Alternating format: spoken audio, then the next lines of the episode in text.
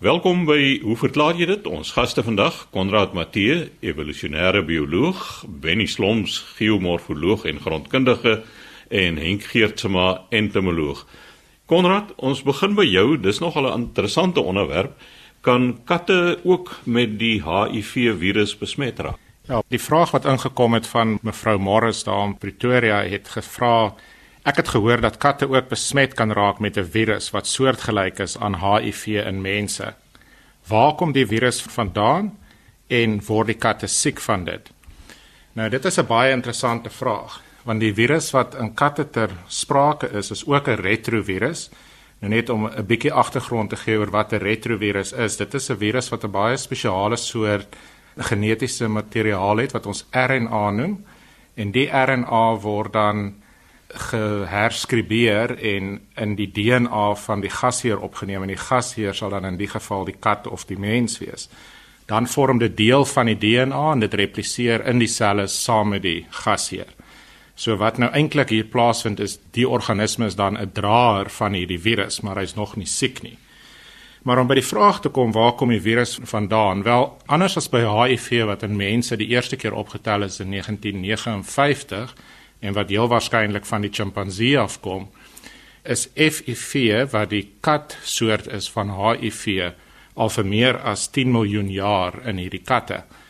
En die rede hoekom ons so kan sê is daar's ten minste 10 kat spesies wat almal van hierdie FIV virus in hulle het en hulle kom reg deur die evolusionêre boom voor. So hulle kom voor in leeu's, hulle kom voor in die jaguars, hulle kom voor in jagluiperds en ook in die huiskat en natuurlik die huiskat se naverwante die willekat Felis libica. So ons weet dat hierdie virus in hulle voorkom, maar maak die virus hierdie diere siek? Wel, dit is interessant as mens kyk dat in die FSA is net omtrent 3% van huiskatte geïnfekteer met hierdie virus en die katte word nogal siek. Maar as mens kyk na die wilde kat spesies, is daar ten minste in die leeu's en die kreerwiltuin 75% van al die leeu's en die kreerwiltuin dra hierdie virus. Hulle word nie regtig siek nie. So dit is ook een van die redes hoekom ons kan sê die virus het saam met die gasheer ontwikkel anders as in mense wat net die laaste sê maar 60, 70 jaar saam met die mens kom. Hierdie virusse kom vir 10 miljoen jaar saam. So die gasheer het aangepas by die virus en die virus maak nie meer die gasheer reg siek nie. 'n Goeie voorbeeld daar sal byvoorbeeld ook wees TB. Ons weet daar's 'n goeie verwantskap tussen HIV in mense en TB en ons nou onlangs 'n studies wat self wys daar's 'n interaksie tussen hierdie twee siekte toestande wat 'n mens kan kry. Maar in die katte, byvoorbeeld hulle kry ook TB in die kreer, maar daar's geen verwantskap dat 'n dier wat besmet is, 'n leeu wat besmet is met FIV gaan sieker word as hy TB kry nie.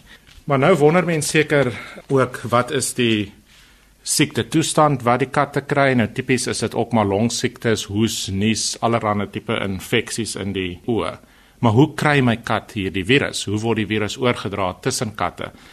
Nou wat alom bekend was of wat die mense altyd gedink het is dat die virus word hoofsaaklik oorgedra deur die speeksel van die kat. Hy kom in ongelooflike hoë hoeveelhede voor binne die speeksel. So wanneer die katte beklei, en mekaar byt, dan dra die virus oor. En dan is dit ook so dat in huiskatte die rondloper mannetjies is oor die algemeen mees waarskynlik om HIV te hê, waar die wyfies minder is.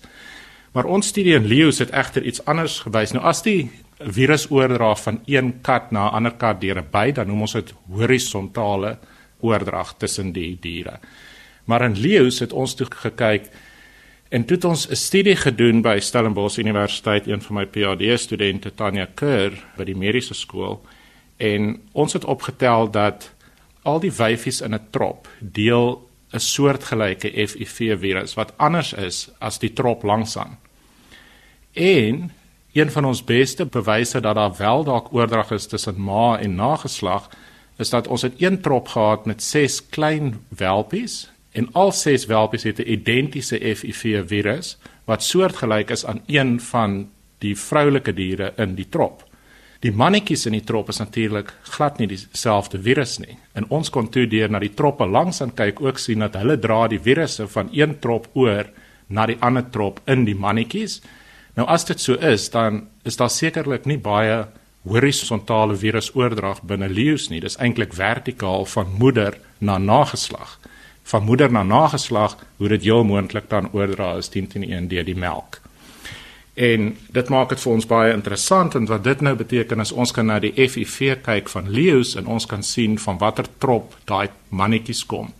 Heel toevallig as jy na die mannetjies se FIV kyk, twee mannetjies in 'n trop, dan is hulle FIV omtrent 100% dieselfde, meen dat hulle 10 teen 1 broers wat van dieselfde wyfie afkom en dit pas met leeu gedrag. Ons weet dat daar's oor die algemeen as daar groot leeu troppe is, is daar 'n koalisie wat vorm tussen broers om die ander trop mannetjie weg te jaag en dan die paringsfunksie oor te neem daar.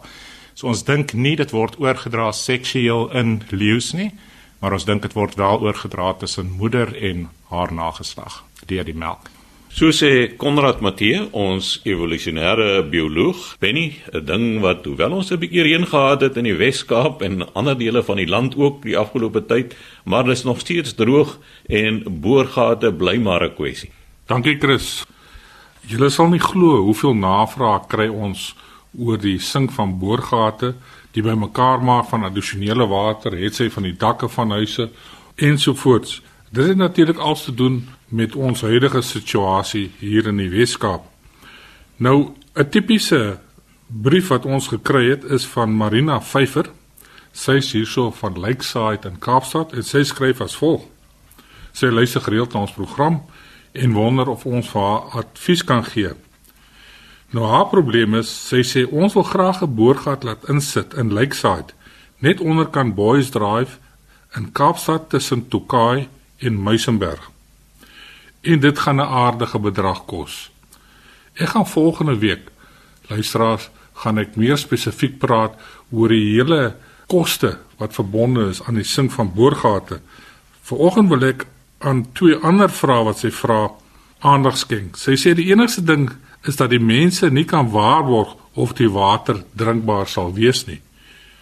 As ons nou klaar geboor het, hoe gaan ons te werk om te bepaal of dit drinkbaar is? En as dit nie is nie, watse stappe kan geneem word om die water wel drinkbaar te maak? Sy sê hier bokant ons, dit is van die berg af, stroom water uit die Steenberg piek uit en dis lieflike skoon water wat wel drinkbaar is. Nou Marina, jy het nog een vraag nie hierso gevra nie, is wat maak jy as die boorgat geen water oplewer nie? Maar ons gaan volgende week daaroor gesels. Nou Die water wat vanaf Steenbraaspiek afkom, sal skoon wees want dit is Tafelberg sandsteen moedergesteente waaroor dit loop en dit is van ons beste kwaliteit water wat 'n mens kan bymekaar maak hier in die Weskaap. Nou nadat die boorgat deur die kontrakteur voltooi is, sal die kontrakteur 'n pomp installeer om die sterkte van die gat te toets. Met ander woorde, wat is die lewering van daardie boorgat in liters per uur of kubieke meter per uur. Nou hierdie toets sal 'n paar uur neem en so teen die einde van hierdie toets moet jy maar 'n skoon bottel vat, nie groter as 500 ml nie, en van die water bymekaar maak wat jy kan wegstuur om te bepaal wat is die kwaliteit van die water. Nou ontleding van water kan by enige laboratorium gedoen word daar is vele van hulle, maar ek wil vir jou goeie raad gee vanoggend. Stuur die monster na gewone rotine grondontledingslaboratorium en spesifiseer wat jy gedoen wil hê. Van hierdie meer gesofistikeerde laboratoriums wat jy in onder andere in Kaapstad kry, sal vir jou tientalle toetse doen wat met die kwaliteit vir jou doeleindes eintlik niks mee te doen het nie kostes kan oploop tot 3-4000 rand per monster vir goed wat jy nie nodig het nie. Die volgorde van toetse wat jy moet aanvra vir hierdie water is eerstens wat is die totale oplosbare soutinhoud van die water? Met ander woorde die TOS. Nou indien die totale oplosbare soutte min is en die laboratorium het riglyne vir drink en besproeiingsdoeleindes, dan is dit nie nodig om verder te gaan met die toetse nie. Het die water wel 'n klompie soutte in, met ander woorde hy is effens brak, dan moet 'n ou bietjie verder gaan met die ontleding. Gaan kyk Nou watse katione is wel in daardie hoë soutwater? Gaan kyk byvoorbeeld hoeveel natrium is daar, magnesium, wat is die anione, kloriede, sulfate om vir jou beter idee te gee oor die kwaliteit. Moenie sommer 'n oop check vir die manne gee om te toets wat hulle dink nodig is nie. Nou, ek verwag in elk geval dat daar waar jy woon, daar nie baie hoë soutte in die water gaan wees nie. Jou omgewing het 'n gemiddelde jaarlikse reënval van 7-800 mm, dalk plus afhangende van hoe naby in die berg jy is en normaalweg kry jy hoë kwaliteit water. Nou, ek is nie seker van die geologie nie, maar ek vermoed jy het 'n dieperige deklaag bo graniete. Daar kom graniete voor om die skiereiland in daardie gebied. Nader na die Kaapse vlakte se kant toe kry jy mamas vir die skalies wat die dekmateriaal onder lê en hulle is wel brak. So gaan kyk hoeveel daar is. En uh die vraag wat jy ook gevra het, sê nou maar daar is 'n probleem met die water. Wat kan jy doen? Nou Marina, dit hang natuurlik af waarvoor jy die water wil gebruik. Indien jy die water wil gebruik vir drinkwater doeleindes, met ander woorde in jou kombuis, dan moet jy nou 'n filter gaan installeer om die water te suiwer. En nou praat ek nie van 'n gewone filter met hierdie wit filtermateriaal in nie. Hy sal nou net mooi niks doen nie. Jy moet vir jou 'n ion harsuitruiler kry. Met ander woorde 'n filter wat bestaan uit twee kolomme en binne in die kolomme is daar so 'n klein harsballetjies. Die een kolom is positief gelaai en die ander kolom negatief. So die positief gelaaide kolom sal jou anione sal hy uithaal en jou negatief gelaaide kolom sal jou katione uithaal. So jy gaan 'n baie suiwer water kry as jy hom deur hierdie tipe van waterfilter sou jaag. Wil jy die water egter vir tuindoeleindes gebruik, dan is dit nie nodig om die water op hierdie manier te filtreer nie. Dit gaan veel te duur wees. Die mense wat die ontleding doen, sal vir jou aanduiding gee of jy kan besproei daarmee al dan nie. Jy wil daarom ook nie hê dat jou tuinplante moet vrek as jou water te brak is nie. Indien jy nog twyfel, stuur maar die ontleding hier na Chris Swanepoel toe en hy sal sorg dat dit by my uitkom en ek sal vir jou terugantwoord as jy jou telefoonnommer het om sê of die water voldoende is al dan nie. Nou 'n ander tipe toets, ek het hier neergeskryf is bakteriologiese toetse. Nou by bakteriologiese toetse dink 'n mens onmiddellik aan koliform bakterieë wat natuurlik dodelik kan wees. Nou hierdie tipe van toets sal ek doen indien ek vermoed dat daar in jou omgewing dat daar 'n riool is wat gestort word of jy rioolputte het daarso wat nie aangesluit is by 'n sentrale stelsel nie, dan sal 'n mens versigtig wees en kan jy 'n E. coli toets laat doen net om te kyk wat is daar wat lewendig is binne in jou water. Dit kan 'n mens ook na 'n microbiologie laboratorium toe stuur wat hulle vinnig vir jou daardie toets kan doen. As hy skoon is, natuurlik, dan is daar geen probleem nie, is daar geen verdere eh, behandeling nie. Tel jy wel van hierdie koliforme bakterie op, sal ek dit nie aanbeveel vir drinkwater gebruik nie of filtreer jy hom, filtrasie gaan hom nie uithaal nie. Jy moet die water klorineer, né, om hulle dood te maak. Dan is daar ander goed wat 'n mens in hoorgat water kan kry, dis yster en ystersulfides. Moenie skrik as daai water gepomp word en jy kry so 'n klank in die water, swaar waterstof. Wat die ding wat ruik soos 'n vrot eier. Dit ruik nie goed nie, maar dis nie gevaarlik nie. As jy daardie water vir jou in 'n oop tank sou gooi waar hy in kontak kan kom met suurstof, dan sal die yster neerslaan, jy weet, en jy sluk ontslaa raak van die EVS. So Volgende week gesels ons oor al die probleme rondom die maak van boorgate. Benny, ek wil net daar byvoeg, jy sê nou daar in die lakeside area, nou dis ook maar redelike sandgrond soos wat na Filippi se kant toe is, maar ek wat nou meer na die Weskus kant toe bly, het twee van hierdie in Engels noem hulle dit 'n well point, maar dis maar 'n put, 'n boorgat wat hulle met 'n sterk stroom water in die grond bak. En ek het water op 4, 5 meter gekry. Ek drink nou nie, maar ek het geproe na die boorslag, maar wat baie goed is daar van die boorgate, jy kan jou tuin behoorlik nat maak, die plante kom niks oor nie. En dan die afgelope tyd met die 350 liter per huishouding beperkings het ek gevind dat uh, eh, gewone toilet se bak hou omtrent 10 liter. Nou as jy 3 toilette in die huis het en sê maar jy trek elkeen 2 keer 'n dag, dis 60 liter. Oor 10 dae 600, oor 30 dae 1800 liter. 'n Mens spaar nogal 'n mooi klompie water as jy met so 'n boorgat dit nou nie noodwendig vir drink wil gebruik nie, maar vir ander doeleindes om dan die munisipale drinkwater te spaar. Heeltemal korrek, Chris. Jy weet soos 'n mens ouer raak, gebruik 'n mens meer van daardie water in die badkamer. Ek sien dit daar by my huis ook. My drankrekening het verskriklik opgegaan met die wat ons nou so beperk word met die water wat ons mag gebruik. Jy haal nou 'n ding aan wat ons volgende week volledig oor gaan praat, veral oor hierdie well points soos jy dit stel wat 'n mens in jou uh, aquifers, jou sandaquifers kan laat sak. Ek is net nie seker presies waar's Marina Vyfer se huis nie. Sy praat van onderkant Boys Drive. So dalk net sê daar teen die kant op op die middellang op, laat sy nie onder op die sande is nie, maar uh, ons gaan weer hieroor gesels. Die blote feit dat sy in die voorstad Lakeside woon.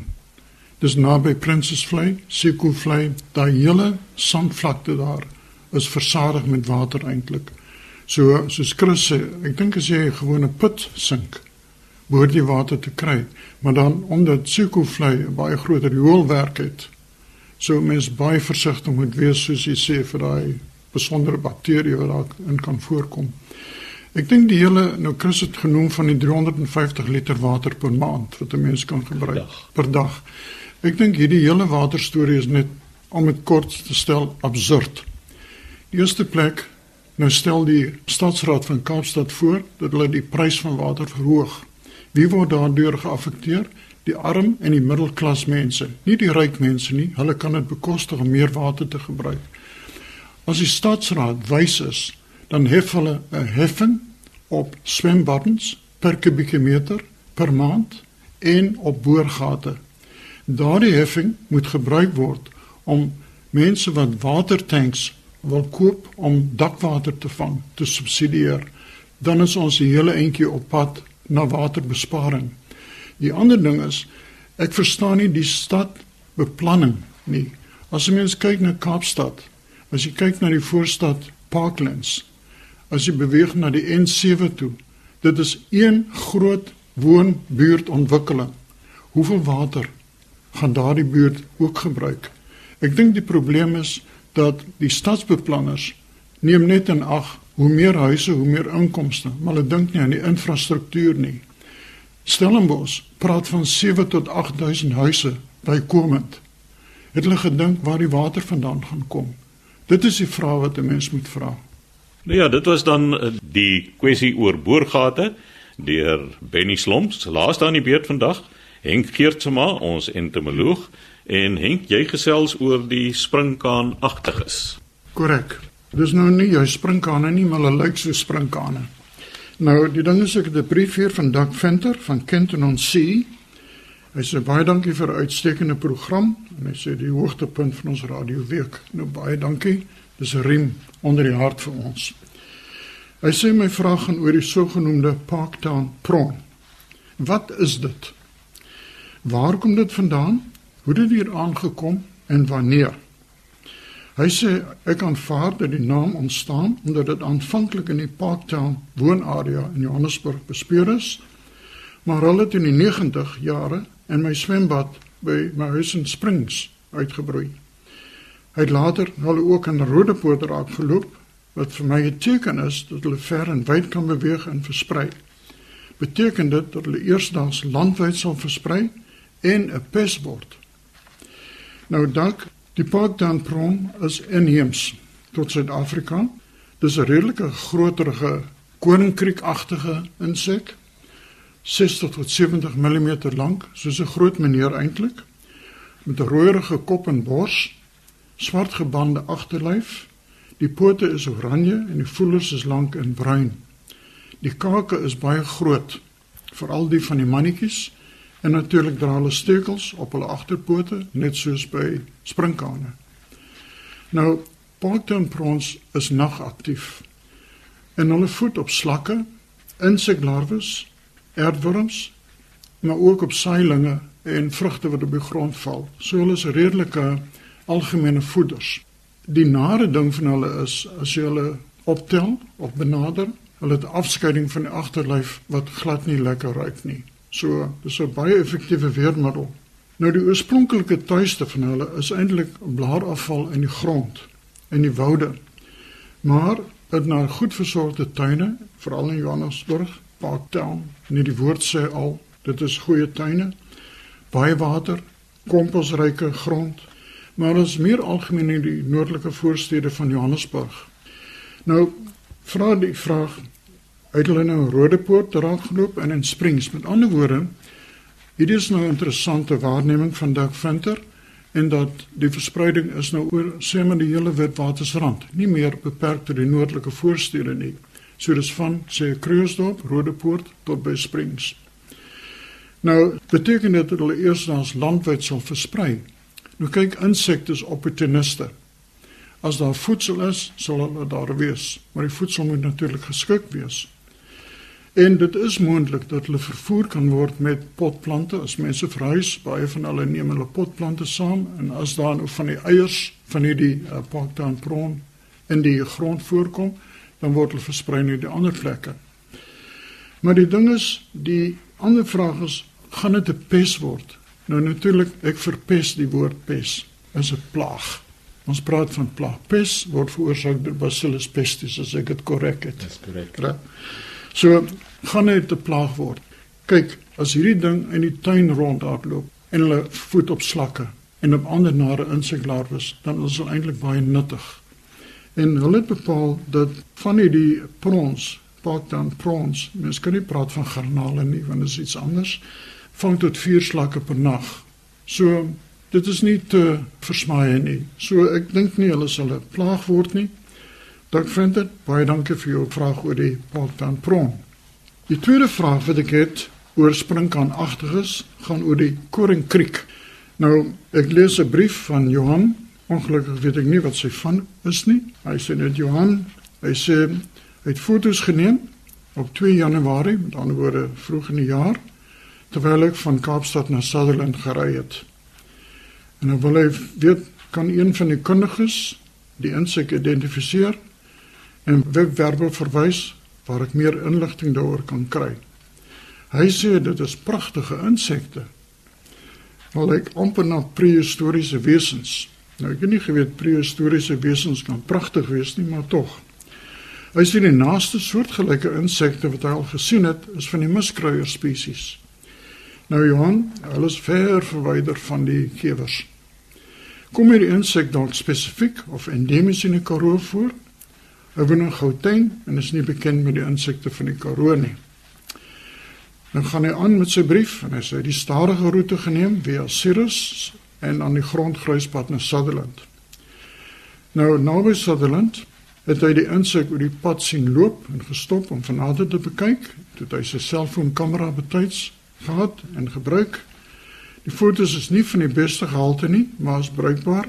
Ja, dit was my baie duidelik om te sien waarvan ons praat. En toe sien hy dat een van die twee insekte soort stert gehad en die ander een nie. Dan vermoed hy dit kan dalk manlike en vroulike insekte gewees het. Maar dan wil hy graag van my hoor of iemand anders. Nou Johan, jy is heeltemal korrek. Die soort stert is eintlik die ovipositor of eierlêboor van die sprinkaanagtige byvie. Nou volgens weerberigte was daar die betrokke dag reënbuie oor 'n groot gebied vanaf Calvinia tot die omgewing van Maatjiesfontein. Ons praat weer van die Karoo. En dit is ook 'n gebied waar ek die insekte gesien het. Hy noem dit kwessie van reën omdat sommige insekte al verskyning maak wanneer daar reën in die lug is. Nou die laaste is ook 'n interessante waarneming. As die barometriese druk laag is of die reën kom, kom insekte uit. Mense kan dit baie duidelik sien as jy sien die termiete begin grondhoopies uitwerk, kan jy maar weet dit gaan begin reën. Nou die koninkryk se latynse naam en die luisteraars moet my maar verskoon want dit is latyns. Dis Heterodus is die genus en Pupus is die spesiesnaam. En dit verwys juis na die rook wat hierdie koringkrieke afskei. Nou, die koringkriep is eintlik negatief, kom voor van September tot Junie, met ander woorde reg vanaf die lente, somer, herfs. En is volop in lae en oop plante groei, soos wat mense kry in die fynbos en in die Karoo, die vytjiesbos. Nou sommige jare is hulle baie volop.